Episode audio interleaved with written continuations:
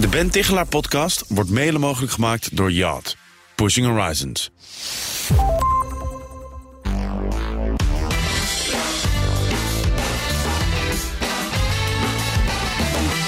Inspiratie kun je overal vinden.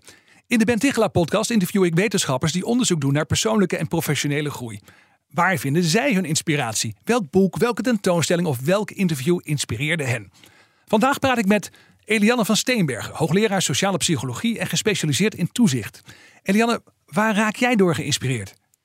Nou, um, ik vind het heel erg uh, interessant om naar, naar films uh, te kijken of, of series waarin sociaal ongemak zeg maar uitvergroot uh, wordt. Okay. En um, mijn tip is eigenlijk om een oude James Bond film na te kijken en te kijken of je, of je daar ongemakkelijk bij voelt. Of je sommige dingen eigenlijk niet meer vindt kunnen. Ja, en, de alleroudste James Bond film die mij dan te binnen schiet is de allereerste, 1962, Dr. Ja. No, een van mijn favorieten. Maar ik begrijp een klein beetje uit hoe jij kijkt, die kan nou, die Dr. No, die zaten mijn man en zoon dus okay. te kijken, inderdaad, ja. uit 1962.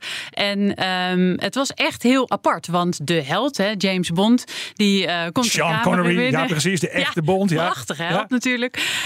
Um, komt de kamer binnen en uh, ontmoet een vrouw voor het eerst, een secretaresse. En eigenlijk bijna onmiddellijk begint hij haar te zoenen. Ze stribbelt tegen, um, en, maar op een beetje koketachtige manier. En uiteindelijk eindigt het in een vurige zoenpartij. Oké. En um, wij, en ik zeker, voelde me heel ongemakkelijk, ook naar mijn zoon toe. En Want hoe oud is hij? Hij is uh, bijna 13. Ja, dat snap en, ik ook wel een beetje dus dan. Ja, ja. Dit kan toch niet, weet je wel? Dat doe je niet. Ja. Uh, dit doe je niet, want uh, in deze tijd vinden we dat eigenlijk aanranding wat je ziet. En hij Ja. ging er helemaal vanuit dat iedereen wel met hem wil zoenen en dat je een beetje druk moet uitoefenen.